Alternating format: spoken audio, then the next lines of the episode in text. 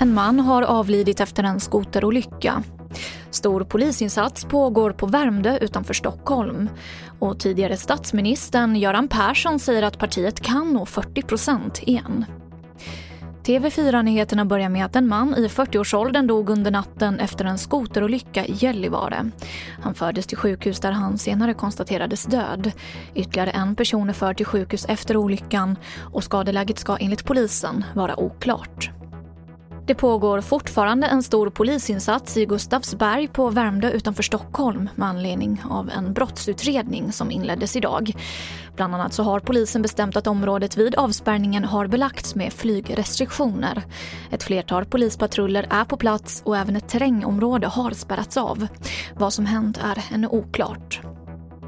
En ny skattereform och en omedelbar justering av pensionssystemet. Ja, det är vad som behövs för att Socialdemokraterna ska kunna återvinna förtroende i opinionen. Det här anser tidigare statsministern Göran Persson som säger att partiet kan nå 40 procent igen. Ja, definitivt. Det är absolut möjligt. Och det ligger inom räckhåll om man driver en politik som siktar på att eh, ta tillbaka förtroendet. Och eh, det handlar om tre, fyra stora frågor man måste vinna opinionen.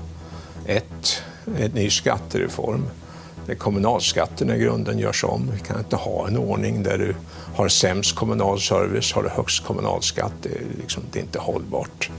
Det går att göra, de pengarna finns i systemet. Eh, du måste se till så att pensionssystemet blir färdigt. Vi har världens bästa pensionssystem med den defekten att det ger för låga pensioner. Det behöver också justeras nu.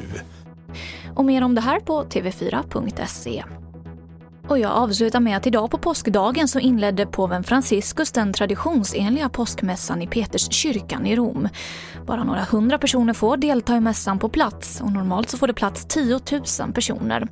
Men påskmässan streamas live av Vatikanen och många miljoner människor över hela världen väntas följa mässan. Och det var det senaste från TV4 Nyheterna. Jag heter Emily Olsson.